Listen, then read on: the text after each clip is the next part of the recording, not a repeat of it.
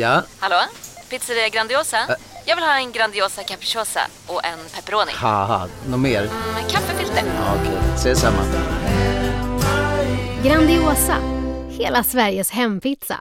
Den med mycket på. CSRD, ännu en förkortning som väcker känslor hos företagare. Men lugn, våra rådgivare här på PWC har koll på det som din verksamhet berörs av. Från hållbarhetslösningar och nya regelverk till affärsutveckling och ansvarsfulla AI-strategier. Välkommen till PWC. Hej, Synoptik här. Visste du att solens UV-strålar kan vara skadliga och åldra dina ögon i förtid?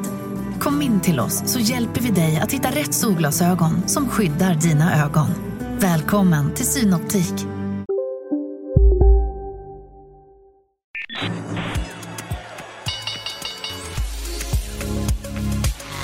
Här är Affärsvärlden Magasin med Helene Rådstein.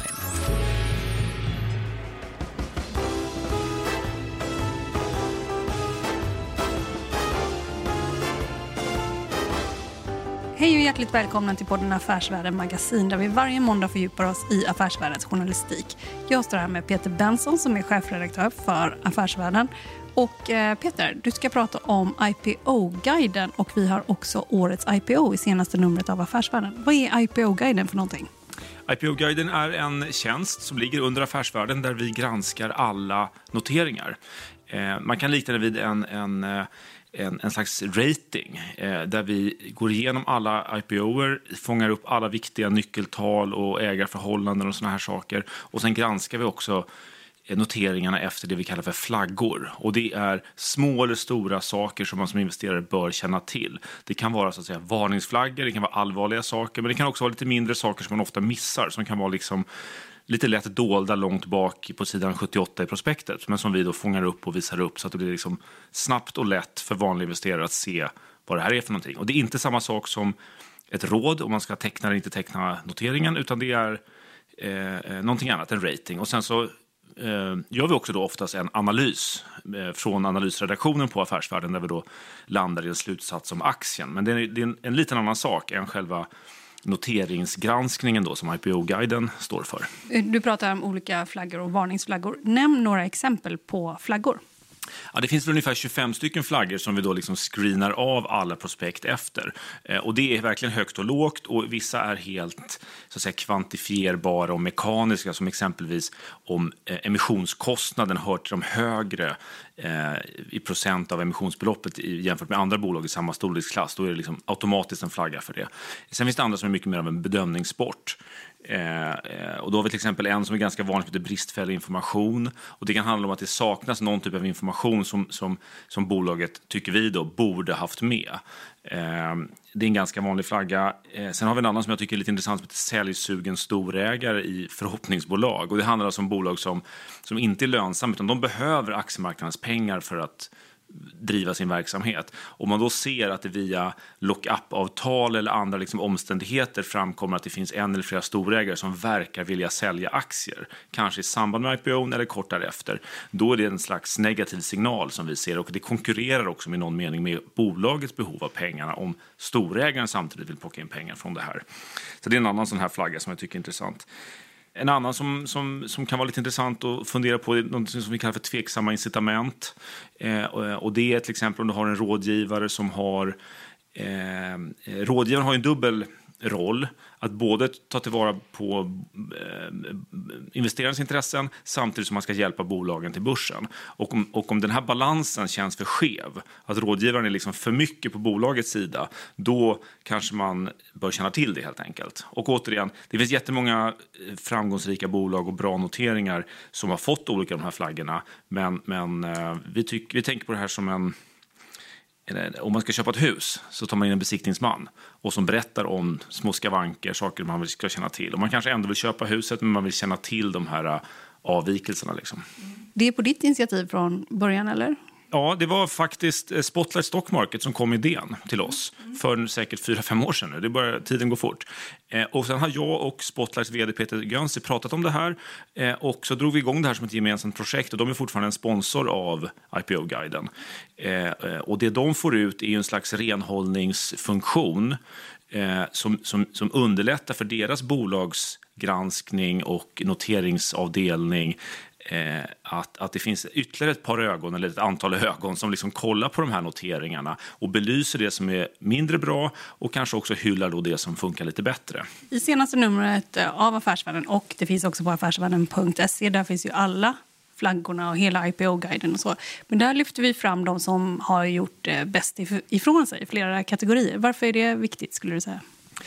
Det finns massa olika skäl till det, men en viktig grej är att vi vill att det här ska vara ett ramverk som branschen, alltså rådgivare, eh, börser och marknadsplatser och liksom börsbolag som är på gång in och sådär, att de ska förhålla sig till det. Och då är det inte bara viktigt att liksom belysa dåligheter, utan också hylla de som faktiskt gör ett bra jobb. Så därför så delar vi varje år då ut priser i den här tävlingen som vi kallar för Årets IPO. Och det är i praktiken inte bara ett bolag som får pris, utan det är ett antal olika bolag, för vi har Eh, vi skiljer på miljardbolag, småbolag och mikrobolag för det är så oerhört olika så att säga, spelplan om du har ett litet börsvärde på 50 miljoner eller 5 miljarder.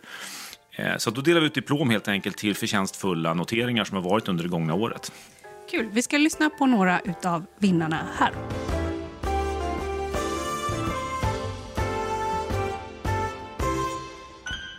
Småbolag var den kategori som hade minst antal börsnoteringar 2020 och eh, resultatet har varit blandat. En gedigen framgång var dock mjukvarubolaget och it-konsulten Excitec som blev årets IPO i såväl klassen kursvinnare som kvalitet. Och jag gjorde en snabb intervju med styrelseordförande Peter Wiberg.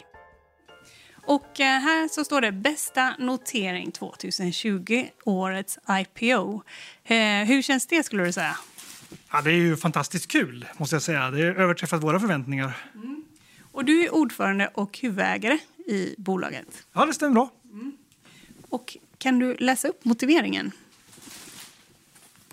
Eh, vi har fått det här priset för att vi eh, i kategorin kvalitet i klassen småbolag eh, där det står att eh, Affärsvärldens IPO-guide granskar samtliga svenska börsnoteringar och 2020 så noterades 47 bolag och bland de sju eh, småbolagen hittade IPO-guidens granskare i genomsnitt 2,3 flaggor.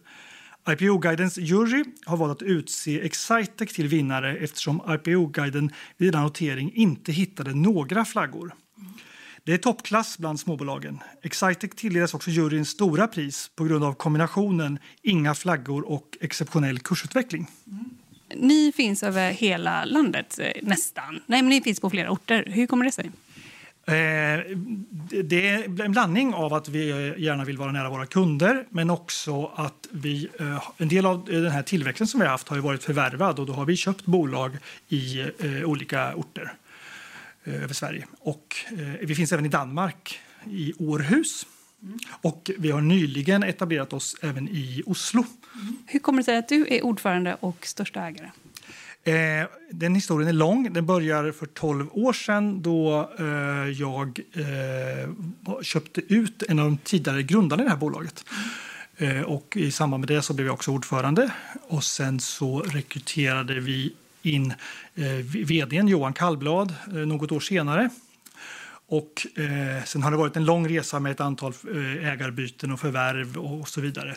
Så vi, eh, för 2017 så fick vi in Standout Capital som är ett riskkapitalbolag som kompanjoner i det här eh, och som vi då har gjort den här resan med de sista eh, fyra åren fram till idag. Vi fokuserar ju nu på börs, själva börsnoteringen. Sådär. Hur har din roll varit och vad har du tänkt längs eh, den vägen? Eh, vi, vi, hade en arbetsgrupp, vi har haft en arbetsgrupp som har jobbat med det här och i den har jag varit eh, en av dem som har eh, jobbat med det. här. Så jag har haft mycket kontakt med bland annat Penser då och jag har också pratat lite grann med en del investerare. Det har annars varit Johan Kallblad, vdns ansvar mest att göra det. Då. Eh, sen har vi haft eh, en intern projektledare, en kille som heter Hampus, mycket duktig, eh, som har, eh, sköter löpande och ser till att vi håller tempo i, i allt arbete. För i grunden så fokuserar ni på en enklare IT-vardag. kan man säga. Ja. Det är man inte riktigt ensamma om att ge sig in i den nischen. Vad utmärker er, skulle du säga? Alltså jag tycker det är flera saker. Dels är det här ett bolag som bygger på en enorm team spirit. Eller vad man säger. Vi gör det tillsammans, brukar vi säga internt. Eh, och, eh, det betyder att vi har inga Eh, alla är stjärnor kan man väl säga, men vi har liksom inte ett bolag som bygger runt några enstaka stjärnor som, som skapar det som vi gör ute hos våra kunder. Eh, sen, eh, en annan bit i det här det är väl att som vi upplever att vi verkligen tar ansvar från det att kunden kommer in till oss och hela vägen framåt så länge de är kvar hos oss. Och de är kunder länge hos oss. Det är sällan de, de lämnar oss. Om man skulle säga huvudkategori av kunder, hur ser en typisk kund ut för det? En typisk kund är ett medelstort svenskt bolag. Eh, det kan, finnas, det kan vara någonting inom logistiksidan. Det kan finnas eh, eh, egentligen i väldigt många branscher. Eh, och det vi, för det vi gör är ju att vi plockar ihop, alltså om man tittar på den här mm, i spektrumet av alla programvaror som finns ute idag som de här bolagen kan ha nytta av. Vad vi gör är att vi plockar ju ihop en, en bra, vi har en bra portfölj med riktigt bra verktyg för de här kunderna och vi hjälper dem genom att vi sätter ihop den mix som de behöver och så ser vi till att de här funkar ihop. Och eh, olika it-system, det är affärssystem, det är lönesystem, det är it-system, alla, ja, alla det, möjliga? Ja, det, man kan väl säga det, det som eh, man, vi kallar det för verksamhetsstödjande eh, system. Mm.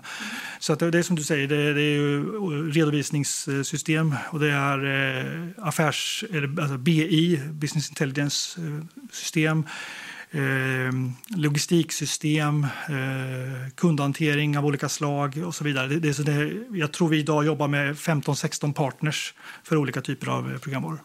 Ni har gjort en del förvärv här eh, under det gångna året och tidigare också. Ja. Kommer ni fortsätta med det och vad letar ni efter? Ja, vi kommer fortsätta med det.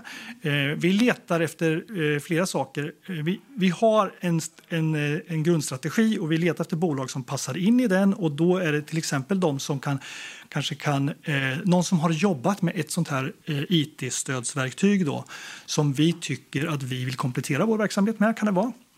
Eh, det kan också vara för att vi vill etablera oss lokalt.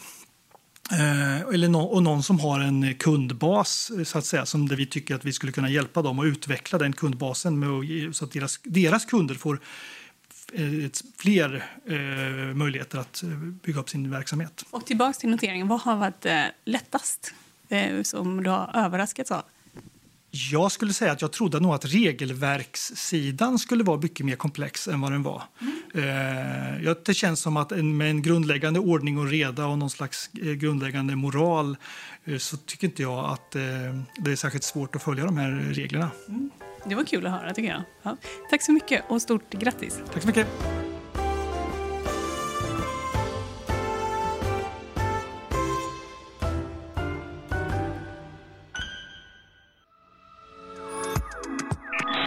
Lyssnar på Affärsvärlden Magasin med Helene Rådstein. Marknaden sponsras av SPP, pensionsbolaget. Eh, förra gången pratade vi lite om ITP. Och som en kort repetition så, så var det ju 70-tal, arbetsmarknadens parter bestämde att alla tjänstemän ska ha en tjänstepension. Man kom överens om vilka villkor som ska gälla i den här pensionen och så kallade man den för ITP. Så jobbar man idag som tjänsteman i ett företag med kollektivavtal, då har man förmodligen den här pensionen, ITP-pensionen. Eh, och det är ju så att man kan påverka eh, den här pensionen, hur den är placerad. Vart femte år så gör nämligen Collectum, som de heter, en enorm upphandling där olika pensionsbolag kan ansöka om att få förvalta eh, de här pensionerna. Och SPP är ett av bolagen som valdes ut i den senaste upphandlingen. Och sen kan du som pensionssparare välja vilket av de här olika pensionsbolagen som, som då ska få ta hand om dina pengar. Och tanken med den här upphandlingen är ju att liksom kvalitetssäkra de här olika alternativen eh, men också att förhandla fram stora rabatter så att pensionsspararna ska få ja, kunna spara pengar genom att avgifterna eh, som är så viktiga eh, blir eh, lägre. Och vill man välja någonting i ITP-systemet då finns det en relativt ny sajt som heter avtalat.se. Ehm, där kan man gå in och se hur sin ITP-pension är placerad. Jag gjorde det häromdagen faktiskt. Ehm, idén är att hälften av pengarna alltid ligger i något som kallas för traditionell försäkring. Det här gjorde vi ett avsnitt om i podden Kapitalet nyligen eh, som vi kallade världens bästa sparform. kan man lyssna på om man är intresserad. Eh, den andra halvan eh, den kan man också lägga i en traditionell försäkring eller så kan man placera det i något som kallas för fondförsäkring. Eh, SPP som sagt eh, var ju ett av de fåtal bolagen som valdes ut i den senaste upphandlingen och de finns med som alternativ både med en traditionell försäkring och med eh, fonder. Så det var en liten bakgrund till ITP-systemet. Vill man läsa mer om det här eller typ kolla hur ITP-pensionen är placerad, eh, kanske göra förändringar, Då går man in på avtalat.se. Eh, men tack säger jag till SPP som vill göra oss människor mer medvetna om hur enormt viktig pensionen är för oss som en framtida lön, men också som en positiv kraft i samhället. Eh, och förstås för att ni möjliggör eh, den här podden Marknaden. Varje börsnotering kräver sina rådgivare. Det är sen gammalt. Och den rådgivaren som tar hem priset i årets IPO vad gäller miljardbolag är SEB. Vi lyssnar på SEBs noteringsveteraner. Det är Maria Rimbeck och Carl Rosenius. Kan du läsa upp här motiveringen?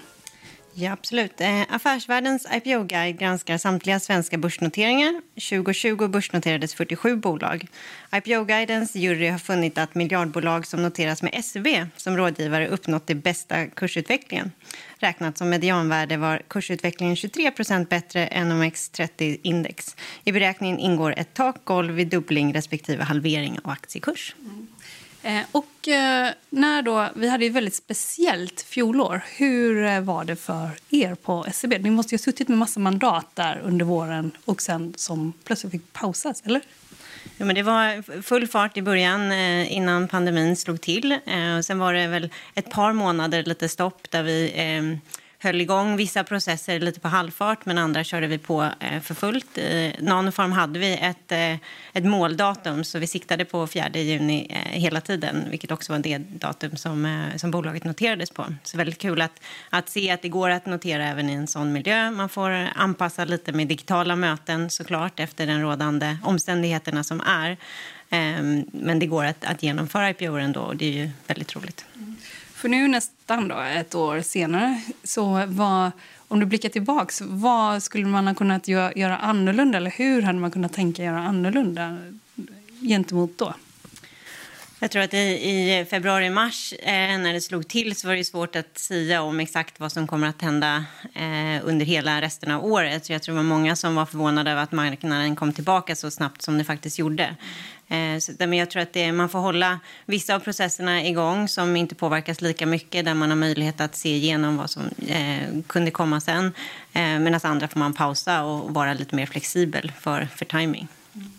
Eh, när man jobbar med en IPO, hur, hur länge har du gjort det? Det är 15 år. Ja. Mm. Och du?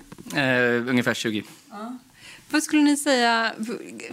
Jag kan tänka mig att det blir allt mer professionaliserat. Men vad, liksom, om ni ska säga någonting som man... För de som inte jobbar med det här, vad, vad skulle ni säga... Hur, vad är det intressantaste i den utvecklingen de senaste 20 åren? Vad skulle du säga?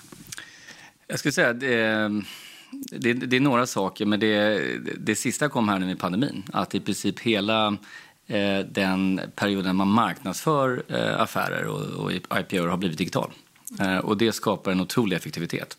Eh, det är inte bara så att säga, miljömässigt förstås bättre att man inte sitter på flygplan och väntar på, på flygplatser utan att man når eh, så att säga, en mycket bredare och större skara av investerare globalt utan att behöva resa. Så att, jag, ska säga, jag har jobbat här i 20 år och det här är nog den största så att säga, revolutionen eller evolutionen mm. som har hänt under de 20 åren. Hur man, hur man jobbar med, med alla former av aktierelaterade transaktioner som är lite processbenägna som det här som tar mellan tre till sex månader. Mm. Har man också fått in då snabbare utländska investerare i eh, IPO-processerna? Ja, det skulle jag säga. Vi kan ta Nanoform som ett exempel som Maria eh, och jag jobbade på. Eh, då, då kunde vi så att säga, marknadsföra till Hongkong-investerare som vi aldrig har gjort säga, tidigare när man så att säga, egentligen krävdes att man åkte dit fysiskt. Eh, utan då fokuserade man mer på Norden och Europa och kanske i viss mån USA. Så att, eh, det, det, det, har absolut eh, varit en, en positiv bieffekt av, av hela den här digitaliseringen. Jag tror en annan eh, som är ganska tydlig och som blir ännu större fokus på nu det är ju ESG-frågor och att investerare tittar ännu mer på, på de bitarna under IPOn. Och då ser man bara de senaste fem åren så har man ju breddat begreppet ESG också från att vara mer fokus på E till även S och, och G och det blir ännu tydligare eh, nu under det här året. Mm. Vad får det för konsekvenser för er? Men jag tror dels så är det att vi jobbar mycket med bolagen under liksom rådgivningsfasen innan vi eh, går till marknaden och går ut publikt med IPOn. Att jobba hur man presenterar vad man gör på ESG-biten och eh, hur man kan förbättra och kommunicera de, eh, de frågorna eh, och hur bolaget jobbar med dem. Um, hur ser pipen ut eh, framöver här eh, hos, för er del? Eh, vi har en, en jättepipeline av, av IPOer i olika kategorier, storlekskategorier och, och även i olika sektorer. Så det är väldigt spännande år som, eh, som kommer. Och ser man någon särskild sektor som eh, är intresserad av att komma in på börsen nu? Vad säger du? Jag skulle säga det de två huvudsektorerna som, som vi ser är, är, är tech, eller bolag som jobbar med digitalisering, om det är e-commerce eller techbolag, softwarebolag och även healthcarebolag. Eh, både medtech och, och, och, och, eh, så att säga life science eller biotech som, som, som det ibland kallas. Eh, sen ser vi ju, eh, det har ju varit en, en stor så att säga, våg av renewable-noteringar i Norge som vi ser nu börjar så att säga, komma lite till Sverige också. Så jag tror renewables i alla dess former, om det är clean tech eller så att säga, vind, sol, det, det kommer också komma i, till, till Sverige. Vad håller ni på med precis just nu? I eh, fredags eh, så gick vi ut med en ETF på, på Link som är ett eh, investmentbolag inom healthcare. Så det är ju en av de IPO som vi ser här för kommande, kommande månad. En kul IPO, eller? Jättespännande. Ett fantastiskt arbete av Bengt Julander och Carl Tobiasson och, och team. Så det är väldigt roligt att få jobba med dem. Och eh, om ett år, kommer det här att eh, hålla i sig? Nej, men det, jag tror i alla fall eh, de kommande 12 månaderna skulle jag säga. Eh, det är alltid svårt att säga i vår, i vår, i vår bransch eh, för lång tid framgent. Men grogrunden för att ta bolag till börsen och framförallt i Sverige skulle jag säga med en sån stor så institutionellt ekosystem som vi har är väldigt god. Det finns likviditet hos investerarna, det finns investeringsvilja. Så att, eh, jag tror att 2021 eh, kommer definitivt bli ett väldigt bra år. Eh, och sen får vi se om 2022 blir, blir lika bra. Men, men det finns förutsättningar för att, för att så ska ske. Ser ni några andra trender som ni kan nämna nu? Som liksom, vi har haft SPAC. Jag vet inte om ni har varit inblandade i SPAC. Ja. Men, men ser ni några andra trender på börsen som är intressant att nämna fjolåret eller som kommer nu? Vad säger du? Ja, men, eh, vi, vi, dels SPAC ju definitivt. Eh, det har ju varit stort i USA en del år, kommer nu till, till, till Norden och i Sverige. Vi gjorde ju så att säga eh, Buresbacken eller ASQ som det heter, eller ACQ heter den till och med. Ehm, det kommer så får vi se hur så att säga, om, om det blir samma aktivitet som det har varit i Nordamerika eller i USA. Eh, men, men jag tror också att vissa börsnoteringsprocesser har förenklats. Vi såg eh, ett bolag som togs börsen Desenio där man så att säga, inte tar ett, ett traditionellt prospekt utan man, man, ledtiden till att noteras blir lite kortare. Det har ju varit eh, en, en ganska stor framgångssaga i, i Oslo i deras Euronext Growth. Där, där är kanske ledtiden en månad eller två max till från så att säga, start till notering. Medan i Sverige traditionellt så har det tagit mellan tre till sex månader. Så det är väl någonting som jag tror eh, kommer trenda i så att, säga, att man försöker korta ledtiderna eh, i noteringsprocessen. Tack för att ni var med och grattis. Ja, tack. Ja. tack, tack.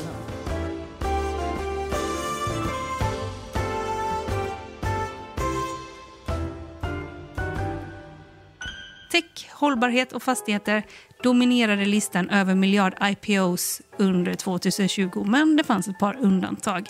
Fastighetsbolaget Genua får dock utmärkelsen som årets kvalitetsbolag i miljardklassen i årets IPO.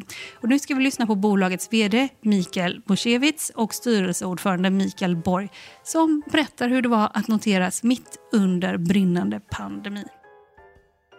Ni börsnoterades 30 juni i fjol. Eh, vad säger du om den tajmingen? Det var ju liksom precis i rekylen, va? Eller? Ja, det var ju uh, otroligt... Uh, ja, det var ju en overklig känsla att vi verkligen genomförde noteringen. Uh, det var ju verkligen upp och ner under lång tid.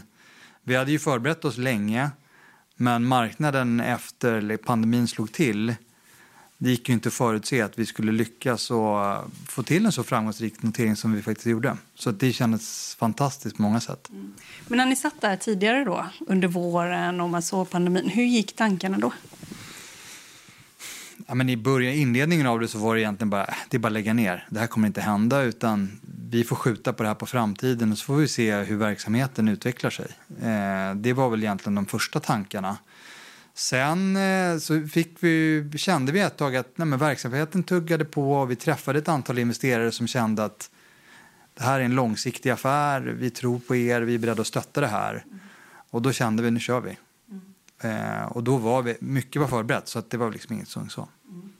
Det har ju kommit, eller i fjol inte minst, så kom det ju ganska rekordmånga fastighetsbolag till Stockholmsbörsen. Vad, vad, vad tänker du om det? Nej, men jag tror att vi var vi kom ju bland de första egentligen väldigt, första efter pandemin kan man väl säga och sen tror jag att många såg möjligheten att nej men det funkar. Eh, och kap, alltså fastighetsbolag generellt sett är ju det är kapitalintensiv verksamhet och börsen är en bra plats för fastighetsbolag. Ni är inriktade mot kommersiella lokaler, bostäder och samhällsfastigheter. Varför har ni valt den inriktningen? Nej, men vi, vi tycker att det är en intressant nisch. Sen är vi väldigt fokuserade mot just Storstockholm och Uppsala eh, som vi ser liksom är starka tillväxtdrivande marknader. Eh, och nej, vi, vi, finner att, att investera där tycker vi är lämpligt och segmenten är intressanta. Mm. Vad har ni på gång just nu då? Nej, men för närvarande så uh, vi bygger ju, vi har väl en drygt 900 bostäder i produktion. Eh, vi har förvärvat en massa fastigheter. Så att vår plan är att fortsätta växa. Vi har ambition att växa med drygt 20 procent per år i vårt substansvärde. Och det är fortfarande i de här regionerna? Ja, men primärt egentligen Storstockholm och Uppsala, men vi har även investerat nu en del i Lund. Och Lund är en ny intressant marknad för oss. Varför? Ja, men det är universitetsstad, väldigt mycket bolag som, eh, som vänder sig till Lund, eh, Uppsala-liknande, eh, bra tillväxt, eh, passar Genova perfekt. Mm. Om vi ser till just, eh, det här fokuserar ju ganska mycket på IPO. Och så här. Vad har varit lättare än du trodde med att notera sig? Men vi har ju levt i, lite i noterad miljö. Vi har ju haft preferensaktier noterade sedan 2015. Så vi har ju haft väldigt mycket av liksom förberedelsen och ramverket i form av rapportering har vi levt med under lång tid. Sen såklart att uppmärksamheten att ha en noterad stamaktie är ju någonting annat. Mm. Vilket är positivt i samband med rapporter och det blir mer frågor. Eh, så det är, väl, det är väl det stora. I övrigt så tror jag att då sköter vi det som business as usual skulle jag säga. Mm. Och Mikael Borg, så du är styrelseordförande och du är också delägare i advokatbyrån Gernat och Danielsson. Har ni haft mycket IPO under det gångna året? Det har vi verkligen haft. Det, det, som Mikael sa här, så när pandemin kom så trodde vi själva och vissa olyckskorpar kanske ännu mer att IPO-marknaden skulle vara stängd långt in på det här året. Och eh, vi la ju ner planerna för IPO med Genova eh, och sen startade vi upp det mycket pådrivet av Mikael som tänkte att nu har vi ändå en chans. Och sen efter det så har det varit en ren eh, ketchup-effekt med eh, eh IPO både på huvudlistan och på mindre listor. Och jag tror att eh, det kommer bli ännu mer i år. Så att jag ser nästan lite självgott att vi var startskottet på den flod av IPO som har kommit sen efter pandemin. Så att det var väldigt kul och det, det, ja, det är en enormt tryck på kapitalmarknaden just nu. Och jag vill också säga det att från styrelsens perspektiv när, när, eh, när pandemin kom så kände man ju viss ledsamhet. Vi hade ju arbetat stenhårt och särskilt management i bolaget för att få allt det här på plats. Att då behöva lägga det så att säga i träda. Och sen när vi då ändå bara med någon månads försening kunde genomföra det så var det såklart väldigt kul. Och att då få den här utmärkelsen också att eh, kvaliteten visade sig vara så bra, det är extra roligt. Mm. Eh, jag måste bara fråga, eh, för det är ju lätt att säga nu, ja men sen så eh, kom vi igång och sådär. Men om vi tar det tillbaks till liksom början av juni eller maj och så. Var det någon särskild händelse som gjorde att du tänkte nej men nu kör vi ordentligt? Nej, men, verksamheter, framförallt det som i grund och botten handlar om att vi ska ha en verksamhet som fungerar. Och vi kände ju ganska, man var nervös de första veckorna liksom innan man fick koll på vad hyresgäster och hur verksamheten generellt rullade på. Men när vi kände det och när vi även hade en dialog med vissa investerare så kändes det fortfarande som att det fanns ett liksom, intresse att vara med och stötta bolaget framåt. Eh, och det, i den dialogen med ägarna så, var det, så landade vi att nej, men varför ska vi inte köra? Vi mm. testar. Mm. Och då egentligen i samråd med våra investmentbanker så valde vi att göra det. Eh, så det var väl ja, det var mycket fram och tillbaka skulle jag säga. Det var inte mm. liksom ett superenkelt beslut. Men när vi väl valde att trycka på knappen så kändes det, eh, det kändes helt rätt. Mm. Det blev bra till slut. Om, om vi säger fastighetsbranschen, inom de eh, nischer där ni eh, verkar, vad, vad är det liksom mest spännande skulle du säga som är på gång just nu för, för, för din del? Inte bara bolaget utan också marknaden som sådan. Vi har ju haft eh, ja, men pandemin kommer påverka kontoren och mm. liksom, vi har rekordhöga bostadspriser. Och liksom, ja, vad, vad, vad tycker du är mest intressant? Det är variationen som är intressant. Och, och, i vårt bolag så, så jobbar vi över flera olika segment. Men det är klart att vi, vi skalar ju upp vår produktion nu ganska mycket. Eh, så vi bygger väldigt mycket hyresbostäder. Eh, och det i kombination med att bygga med fokus på hållbarhet Eh, och bygga grönt är ju, det tycker jag är superspännande i, i den riktning bolaget är på väg nu. Och vi är ju ett bolag som håller på att transformeras från att ha ägt kanske väldigt mycket kommersiellt till att bygga det, eh, bygga bostäder och bygga grönt och göra bolaget mer grönt eh, i den resan. Så, så det är ju någonting som jag ser som väldigt spännande. Och logiken i att bygga hyresrätter framför bostadsrätter, vad är det? Nej, men för, för vår del så är det ju framförallt att bygga ett bolag som är långsiktigt, där vi har liksom långa kassaflöden. Alltså bostadsrättsaffären är ju att du bygger någonting och sen säljer du det. Så du lämnar affären. I det här fallet så har vi väldigt bra avkastning på det vi bygger som hyresbostäder. Men sen får man liksom fortsätta äga det långsiktigt. Och det är en fantastisk affär. Jag säger grattis och eh, kul att ni var med. Ja, tack så jättemycket. Tack så mycket.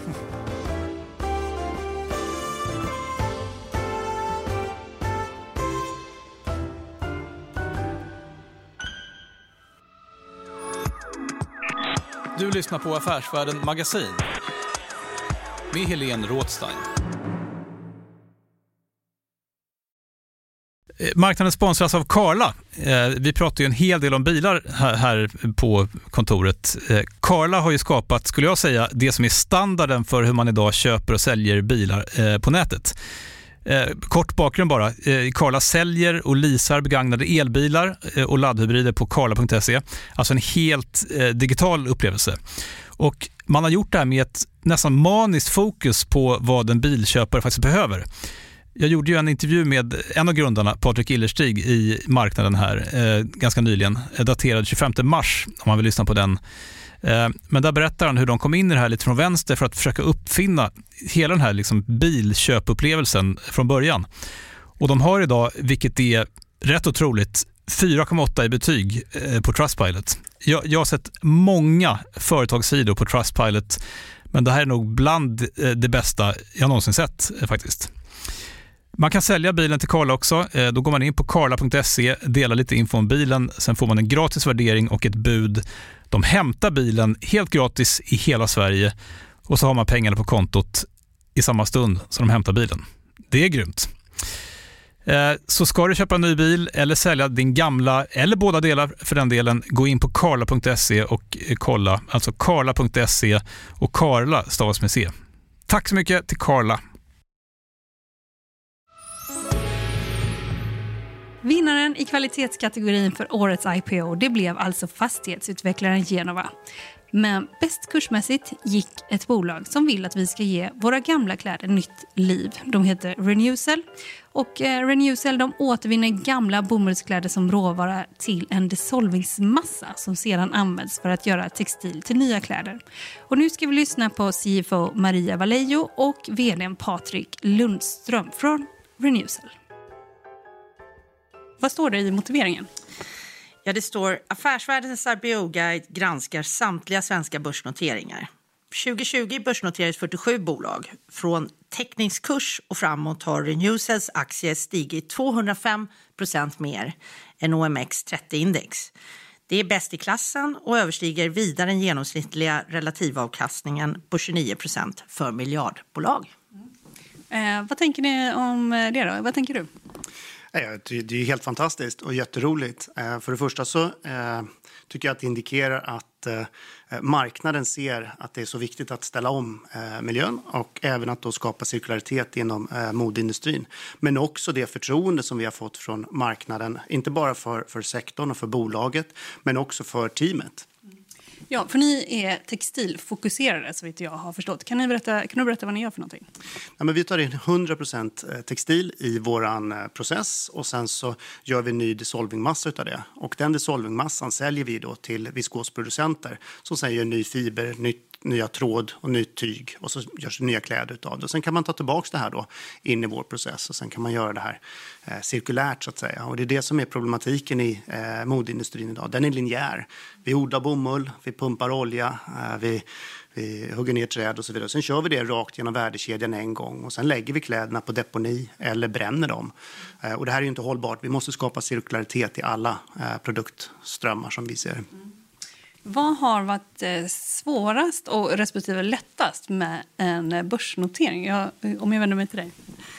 Jag, jag, tycker det lättaste är väl vårt budskap tycker jag och det vi, det vi, det vi ska göra. Det är väl det lättaste att liksom få fram det på ett bra sätt och det tycker jag Patrik har gjort fantastiskt. Det svåraste är väl alla, vi är ett litet bolag och vi ska in på börsen och man får ha respekt för den eh, arbetsbelastning det är på hela teamet. Eh, så att det svåraste har väl varit att leverera allting i tid. Eh, vi har gjort det väldigt kort tid. Men jag tycker det har gått väldigt bra för ett väldigt starkt och sammansvetsat team. Så att, eh, Vad har varit lättare än eh, vad ni trodde från början? Ja, men det är väl egentligen att få eh, det här intresset, så att säga. Och vi har ju fått eh, väldigt mycket fantastiska, stora eh, investerare. Så att det har ju rullat på otroligt bra, måste jag säga. Och under egentligen de senaste två åren så har jag sett att intresset för Sustaintech, men också för bolaget i sig, har ökat från kvartal till kvartal. Och om vi blickar utanför Sverige, hur ser konkurrensen ut inom sustain tech som du säger? Ja, eh, man får nästan ta det sustain tech inom vårt segment då egentligen och inom hållbara fibrer. Och där, där, där, segmenterar vi två delar och det ena är då nykomlingar så att säga som kommer in och eh, många av dem eh, säger att de ska bygga en eh, pilotanläggning. Än så länge så har vi inte sett någon eh, komma, men vi har ju våran redan igång och har kört den ett tag. Så den ena biten eh, och eh, det andra är väl egentligen också att eh, eh göra en ny typ av fiber tar ju lite tid att, att eh, få eh, acceptans för på marknaden. Eh, och den andra segmentet är de här stora eh, aktörerna då, som redan är inom dissolving massa som också försöker göra, men deras, deras, de är ju eh, investerade så att säga, både i skog och i utrustning. Så att det är ju rätt, rätt, kanske lite svårare för dem då att, att eh, skapa den här typen av bolag. Vi börjar lite grann från scratch och gör att vi kan bygga vår anläggning just för att ta in textilier och inte ta in eh, ved då, så att säga, i vår anläggning. Så att, eh, eh på det sättet tror jag. För någon som inte följer den här branschen så noga alls, jag till exempel, eh, ja, det är lite svårt att förstå varför det har dröjt så länge att, eh, liksom, att få rena textiler. Jag kommer ihåg att jag pratade med Stena Recycling de sa vi rör inte, vi rör inte tyger. Det är för komplicerat. Mm. Um, vad, vad, vad, är det som är så svårt? Mm. Um, om du tänker dig um, ved håller ihop med, med lignin, så att säga. Bomullsfiber sitter ihop med uh, egentligen mer kristallinfiber. Och de sitter ihop med något som heter van der Waals krafter och det blir lite tekniskt det här. Att separera bomullsfiber, de har också en, en viss helixstruktur. Det har varit rätt svårt. Och det är det som är själva grunden i Renewcell, hur man separerar de här bomullsfibrerna. Och det är en teknik då som har utvecklats av två professorer på Tekniska högskolan, eh, Mikael Lindström och Gunnar Henriksson. Och det är det vi egentligen bygger då, eh, bolaget på, hur man separerar de här bomullsfibrerna, vilket inte är lätt. Och det är det, är det som eh, Renewcell är först i världen med. Vad blir nästa steg då? Ja, det är att bygga anläggningen i, i Ortviken. Den är på 60 000 ton. Och det är ju en, en första anläggning då, som vi håller på att bygga nu. Eh, byggnationen är full swing så att säga. Eh, den ska starta upp då första halvan 2022. Och sen har vi ju då som strategiska mål att per 2026 ska vi ha då 250 000 ton och per 2030 ska vi ha minst 360 000 ton eh, installerat. Så att det, det är det som eh, är det närmaste och det är ju rätt mycket att arbeta med så att säga. Och sen håller vi på att anställa folk där uppe så de kommer in eh, i december i år. Eh, vi har redan signat 45, det kommer komma in ungefär en 60 där. Så att, eh, och sen har vi ju då utökat vår befintliga organisation. Då. Idag är vi 35 personer eh, i organisationen. Så att vi växer extremt starkt. Så på slut, i slutet av året kommer vi vara ungefär 100 personer. Som jag förstår det så bygger ni på SCAs gamla sajt på ett ställe som redan finns, eller hur? Eh, det stämmer. Vi har ju då eh, tagit över då vad som kallas för PM5, pappersmaskin 5 då, på Ortviken. Eh, och, eh, eh under de senaste 5-10 åren så har vi sett en nedgång i tryckt papper. Det har gått ner med 5-8 procent per år och under coviden så gick det ner under 35 procent. Det gjorde då att Eh, SCA eh, har då lämnat tryckt papper. Eh, och vad vi gör egentligen, vi bygger då vårt bolag på vad vi kallar för industriell evolution. Det vill säga, vi bygger på eh, gammal eller eh, traditionell teknik i Sverige. Sveriges grundvalar är fortfarande papper och cellulosa. Det är fortfarande gruvindustri. Det är fortfarande eh, liksom den typen av, av verkstad och så vidare. Och här är det viktigt tror jag att, att förstå också att eh, det är där de stora skattebaserna finns. Att säga. Det är där arbetena finns, gröna. Och här måste vi ställa om den här industrin till att bli grön.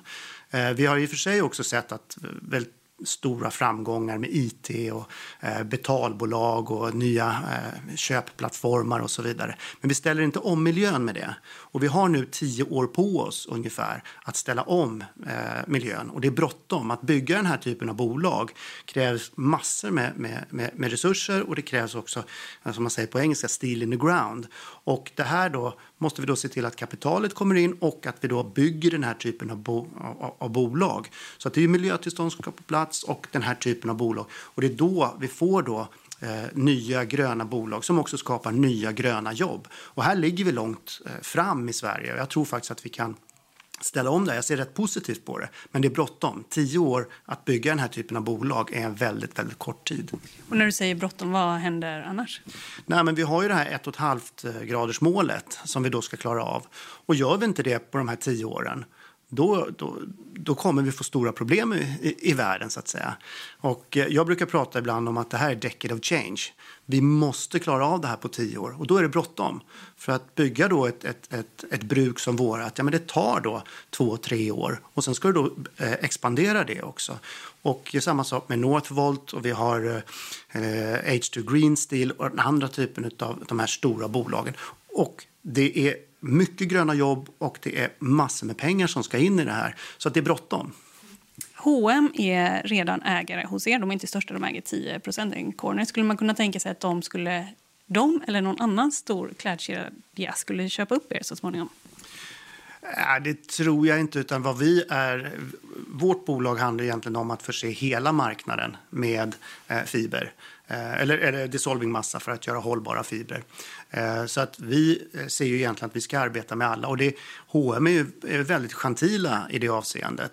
Eh, trots att de är väldigt stora ägare hos oss så har de också gått ut och varit väldigt tydliga med att den här typen av fiber är tillgänglig för alla varumärken i hela världen. så att säga. Så vad de, deras investering hos oss handlar egentligen om att förändra hela branschen och inte bara förskanska sig själva då med hållbara fiber.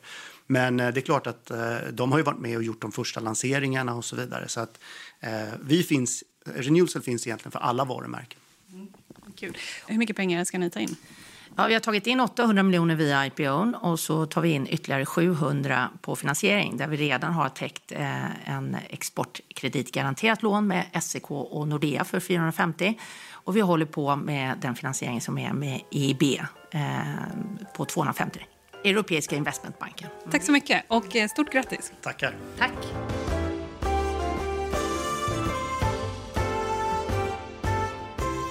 Du har lyssnat på podden Affärsvärlden Magasin med mig, Helene Rådstein som idag har intervjuat några av de vinnare i årets IPO.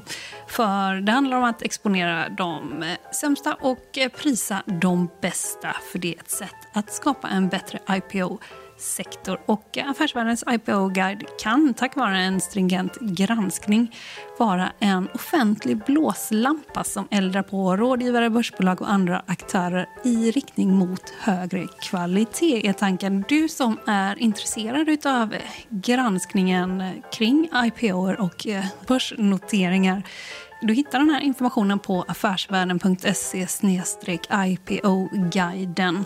Det är där man kan följa hur det går och hur flaggorna ser ut för respektive bolag men också hur det går faktiskt just nu. Så håll utkik där och den här podden den är tillbaka om en vecka. Håll ut!